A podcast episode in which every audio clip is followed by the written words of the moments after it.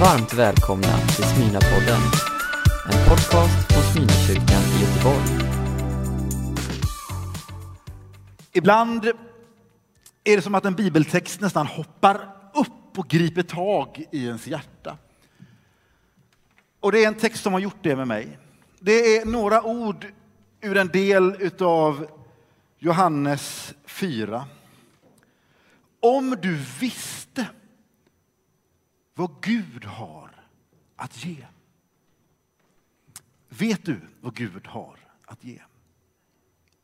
I Johannes 4 möter vi en kvinna som möter Jesus. Ett möte vid en brunn. Och det mötet förvandlar hennes liv. Och genom den förvandlingen så förvandlar det samhället runt omkring henne. Vi ska läsa Johannes 4 kapitel 10. Jesus svarade henne, om du visste vad Gud har att ge och vem det är som säger till dig, ge mig något att dricka. Då skulle du ha bett honom och han skulle ha gett dig levande vatten. Vi kommer tillbaka till brunnen. SOM-institutet, en del av Göteborgs universitet, gör årligen undersökningar. Man har gjort det under många år. SOM, SOM, står för samhälle, opinion och media. Det är undersökningar med mellan 10 till 20 000 svenskar som utgörs av ett tvärsnitt av befolkningen. Alla åldrar, alla samhällsklasser, högutbildade, lågutbildade, allt hur man nu lyckas dela upp detta. Man ställer frågor kring vanor när det gäller kultur, men också när det handlar om tro och religion. Jag är kanske oproportionerligt intresserad av de här studierna när de kommer. Och nu har det precis kommit en sådan rapport. Kanske har du sett någon av rubrikerna. En av dem var i en tidning Allt färre tror på Gud.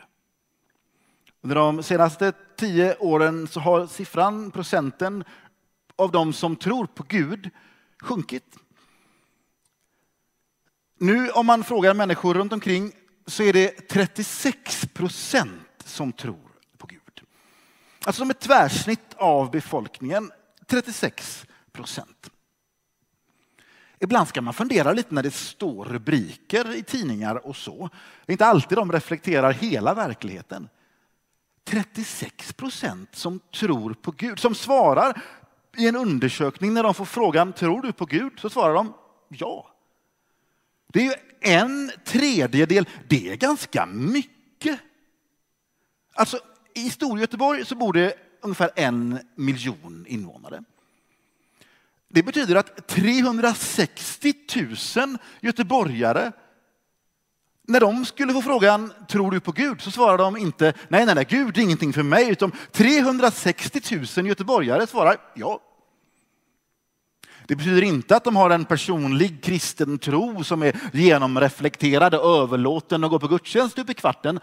Men de tror inte att livet bara är det som man kan se och ta på. Utan det är någonting mer. Jag tycker det är fantastiskt. En tredjedel av alla människor som går utanför kyrkan här tänker inte vad konstiga de är där inne i kyrkan som tror på Gud. Vet du varför de inte tänker så? Det är för att de själva också tror på Gud. De tycker inte att det är konstigt att tro, för de tror. Olika mycket reflekterat och olika sorters bekännelser men en tredjedel av alla människor som går här förbi, som finns på din arbetsplats, i din studentkorridor eller bland dina vänner, tror inte att allt som finns, det är det man kan ta på. Att allt man liksom kan mäta och studera, det är bara det som gäller. Utan livet har något mer bortom det vi riktigt förstår och begriper. 360 000 göteborgare. Det finns en annan siffra som inte är lika rolig då. Den första tyckte jag nämligen är just rolig.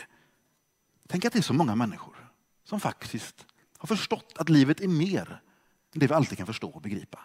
Det handlar mer än om den som har mest pengar på kontot när man dör som vinner. Det är något mer. Men vi tror att en viktig och avgörande del för att en tro ska fungera, att en tro ska på något sätt bo och växa i den miljön där den är tänkt att vara. Det är att man i någon form av utsträckning faktiskt går på gudstjänst. Alltså blir en del av en gudstjänstfirande gemenskap. Göteborgs universitet har hjälpt oss även på den här punkten. Och det visar sig att det då, om det är nu det blir utmanande, det är bara 9 procent som säger att man under den senaste tiden, den senaste månaden har gått på gudstjänst. Nu är de där 9 procenten också ganska många. Det är fler än vad det är folk som går på bio som går på gudstjänst. Det här är ju från 2019 så det är inte coronasiffror. Men det är ändå bara 9 procent som regelbundet har hittat en plats där tron på något sätt får trivas och växa. Där trons frågor får svar. Där behovet av en andlig längtan möts av en andlig gemenskap och andliga svar. Här finns ett glapp som jag tycker är en armbåge i sidan. På, på mig som pastor och på, på dig om du är en del av den här församlingen eller om du är en del av kristenheten. Där vårt uppdrag är att svara på människors frågor. Att möta människors behov efter andlig mening, det är ju vårt uppdrag.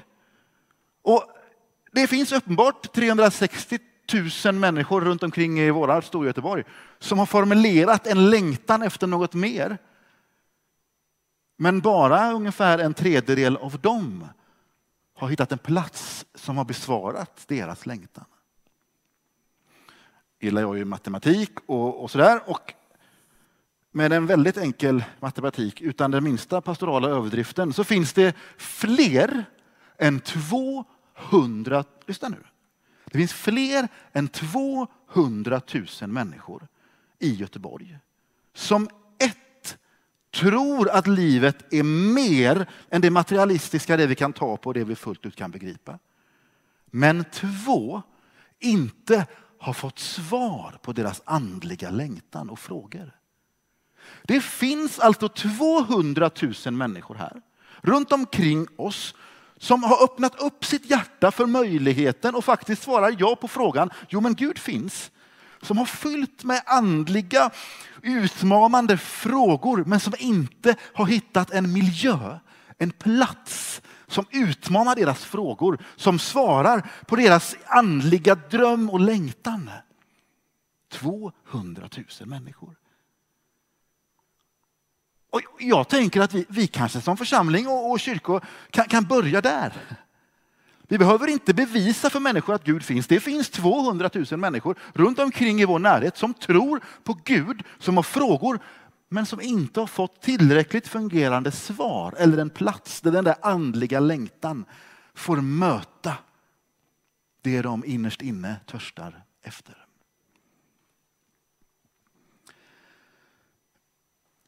Jag tänker utmana oss.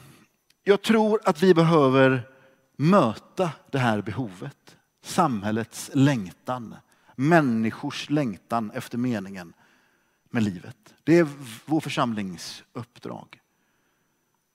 Vi gör det till stor del idag, men vi behöver bli bättre. Och för att göra en förändring så är det några nycklar. Några grejer behöver man sluta med. Några grejer behöver man börja med. Ja, många beteendevetare säger att det tar ungefär sex veckor att etablera en ny vana. Alltså om man i sex veckors tid gör någonting, börjar med någonting, så efter sex veckor kommer det vara en del av din vana. Sen tar det sex månader att forma en ny livsstil eller att göra en livsförändring. Vi har nu i sex månader befunnit oss i någon form av pandemidistans. Det är inte konstigt om det har gjort någonting med oss. Jag tror att vi idag kan inleda en förändring. Den kommer inte bli färdig idag, men den kan börja idag. Och Det handlar om att byta ut distansen både till varandra och kanske inte rent fysiskt än. Men faktiskt närma oss varandra och andra och närma oss det samhället som vi lever i. Låt oss sluta med några grejer och börja med några grejer så vi får en förändring.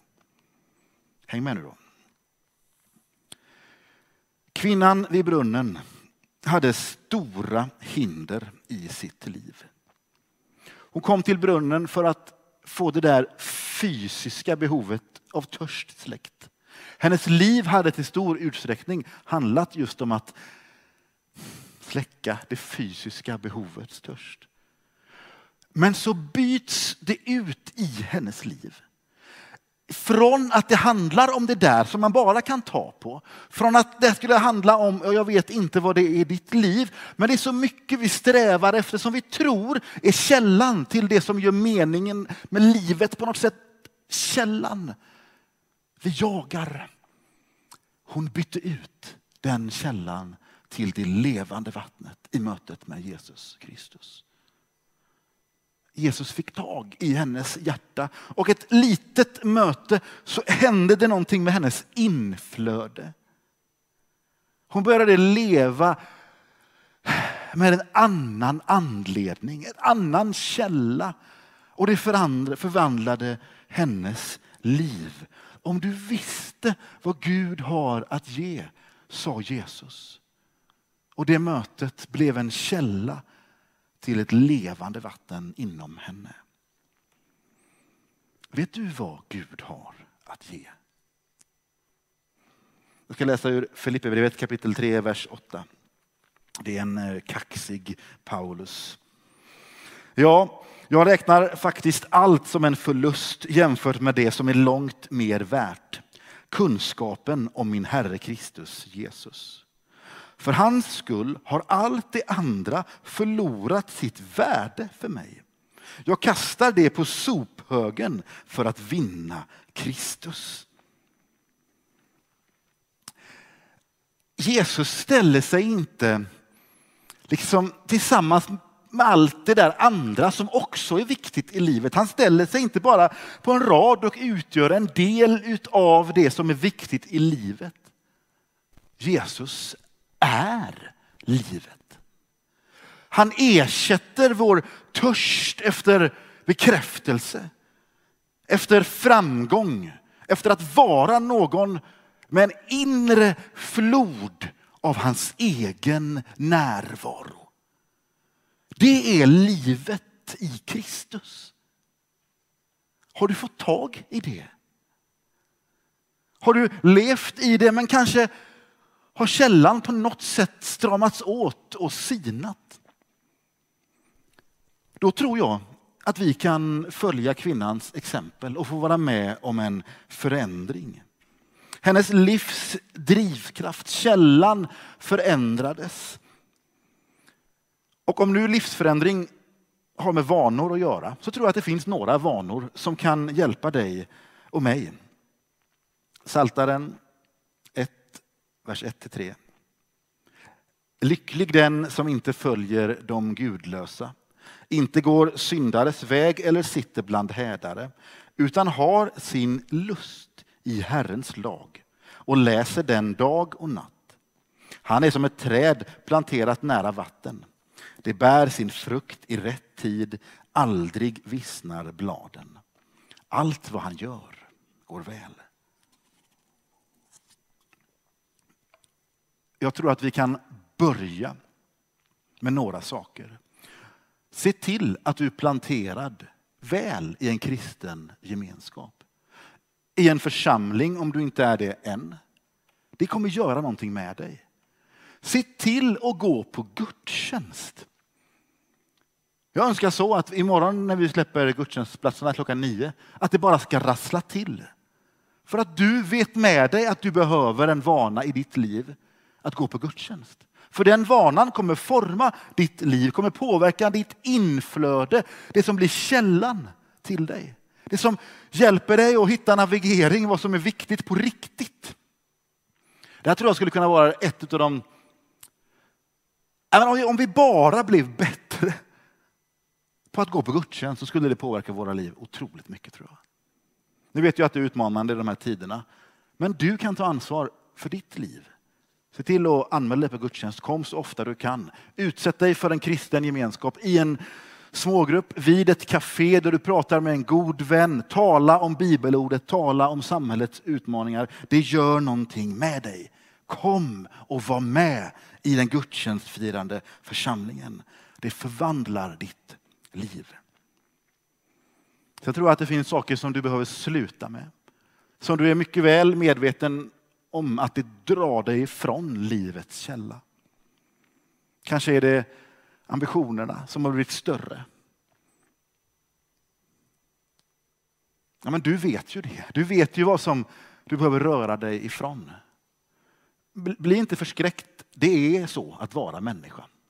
Oavsett om man är pastor eller inte så behöver man ibland sluta med vissa saker och börja med andra grejer för att det ska leda till en livsförändring.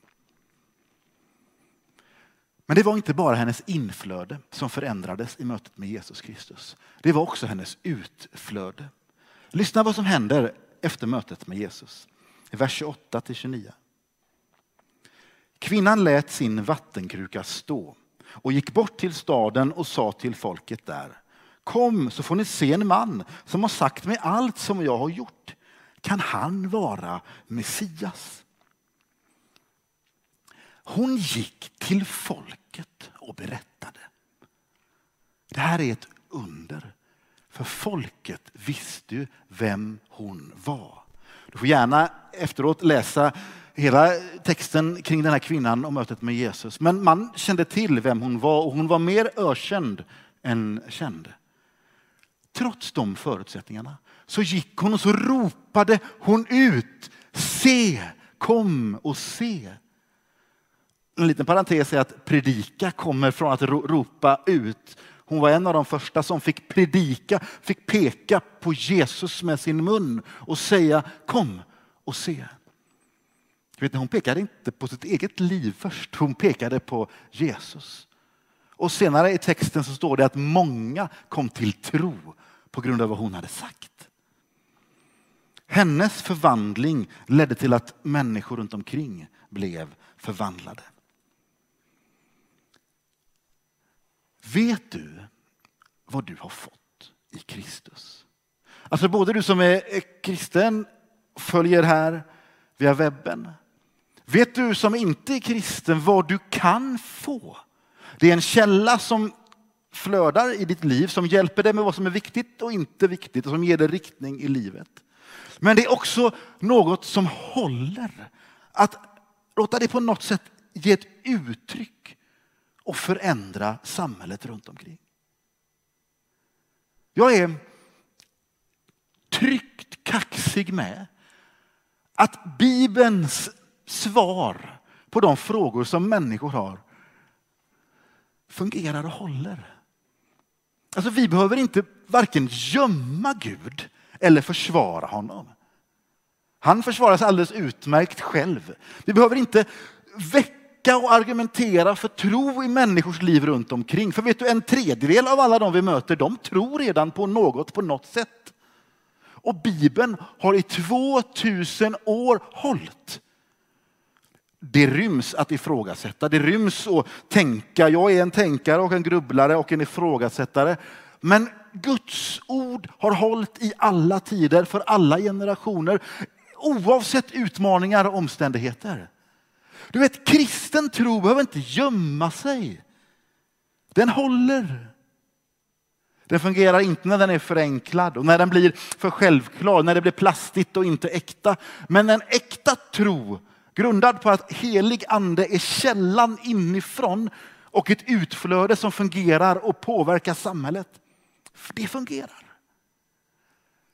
Jag är övertygad om att det finns människor runt omkring dig som hade funnit din berättelse, dina försök till svar som en väg in i kyrkan. De hade upptäckt det. Ja, vi vet att det finns 200 000 människor runt omkring oss som har frågor. Bibeln håller, vår berättelse håller. Vårt uppdrag är att möta människors längtan. Låt oss sträcka på ryggen.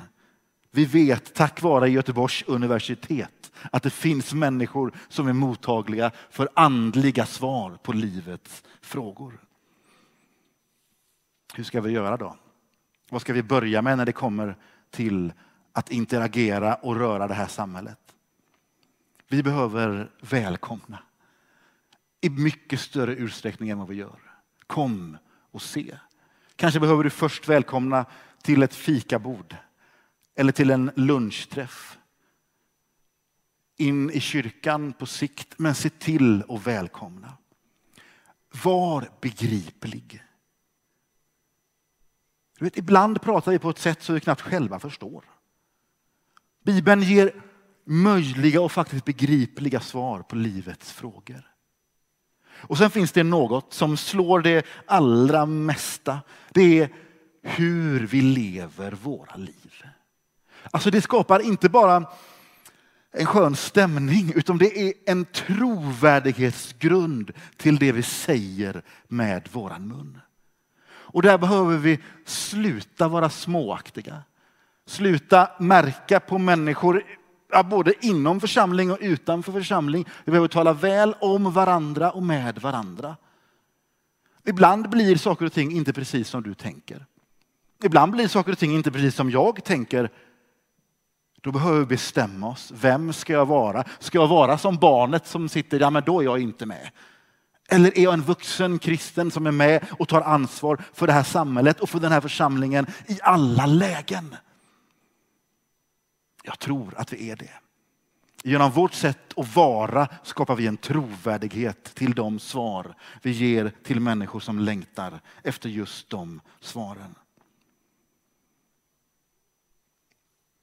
Men hur ska det gå? Omständigheterna är ju inte till våran favör just nu. Alltså. Det finns både skeenden i samhället som är utmanande. Vi har en pandemi så att vi inte kan samlas på samma sätt som vi vill. Hur ska vi kunna vara kyrka idag? Vet du, det finns ingen annan rörelse än just församlingsrörelsen som är så väl förberedd för det här.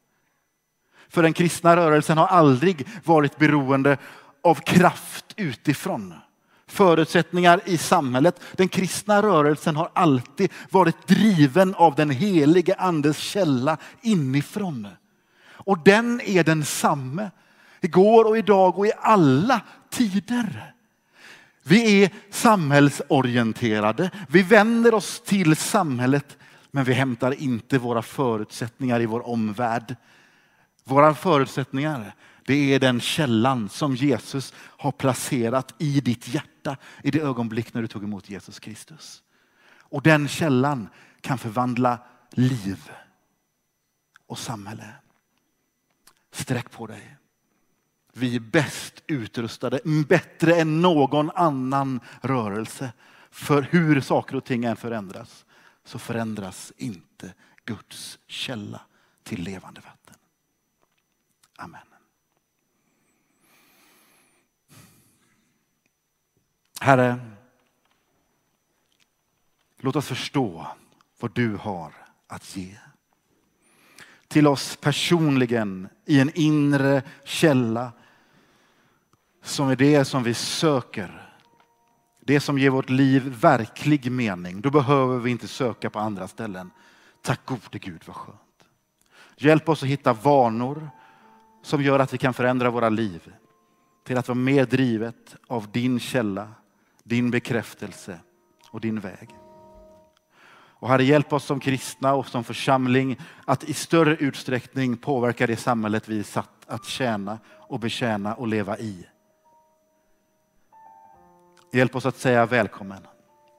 Hjälp oss att vara varma, tala gott om människor och tack för möjligheten att vara en del i en rörelse som inte drivs av vår egen kraft utan av din outsinliga källa av levande heligt vatten. Halleluja. Amen.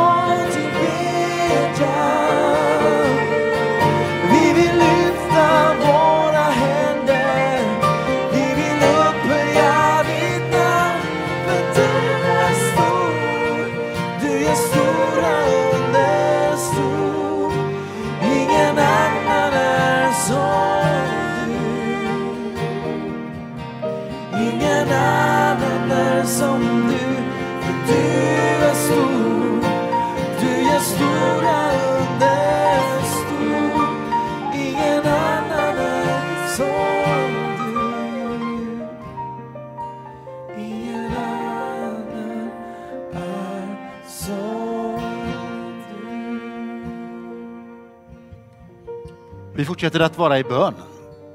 All förändring börjar med ett beslut. Sen kommer det som vi ska göra och forma vårt liv med. Jag tror att du finns här, kanske bakom skärmen, som behöver ta emot Jesus. Som längtar efter en ny källa till livet självt. Du har möjlighet att bestämma dig för det. Allt kommer inte bli enkelt, men det finns saker som kommer förändras. Riktningen, bekräftelsen över ditt liv och över din person, den kommer från Jesus genom den heliga Ande. Du ska alldeles strax få vara med i en bön som jag ska be och innefatta dig om du vill ta det beslutet. Och så tänker jag på alla oss andra som en del av den här församlingen eller ett annat kristet sammanhang. Vad behöver du börja med och sluta med i ditt liv för att du ska leva närmare källan Jesus själv? Bestäm dig och var också en del i den här bönen alldeles strax. Och sedan kära församling, vi behöver göra större avtryck i den här världen. Det handlar om att praktiskt börja göra saker. Peka med på Jesus, både genom det vi säger och det vi gör. Skjuta in kraft, engagemang, handgripligen i bön, ekonomi, för att vi tror på något som är större än oss själva. Den förändringen tror jag också behöver en bön. Om du innefattar på något sätt i det här eller något annat så skulle jag väldigt gärna vilja be för dig just nu. Öppna ditt hjärta så ber jag för dig. Herre, först så vänder jag mig till den som i detta nu säger ja, jag vill bli en kristen. Herre, det jaet, det gnutta tro räcker för att du Jesus ska bli källan till livet i denna människans liv just nu. Herre, välsigna kommer kraft och riktning. Tack Gud för att du i detta ögonblick kommer in i hjärtat.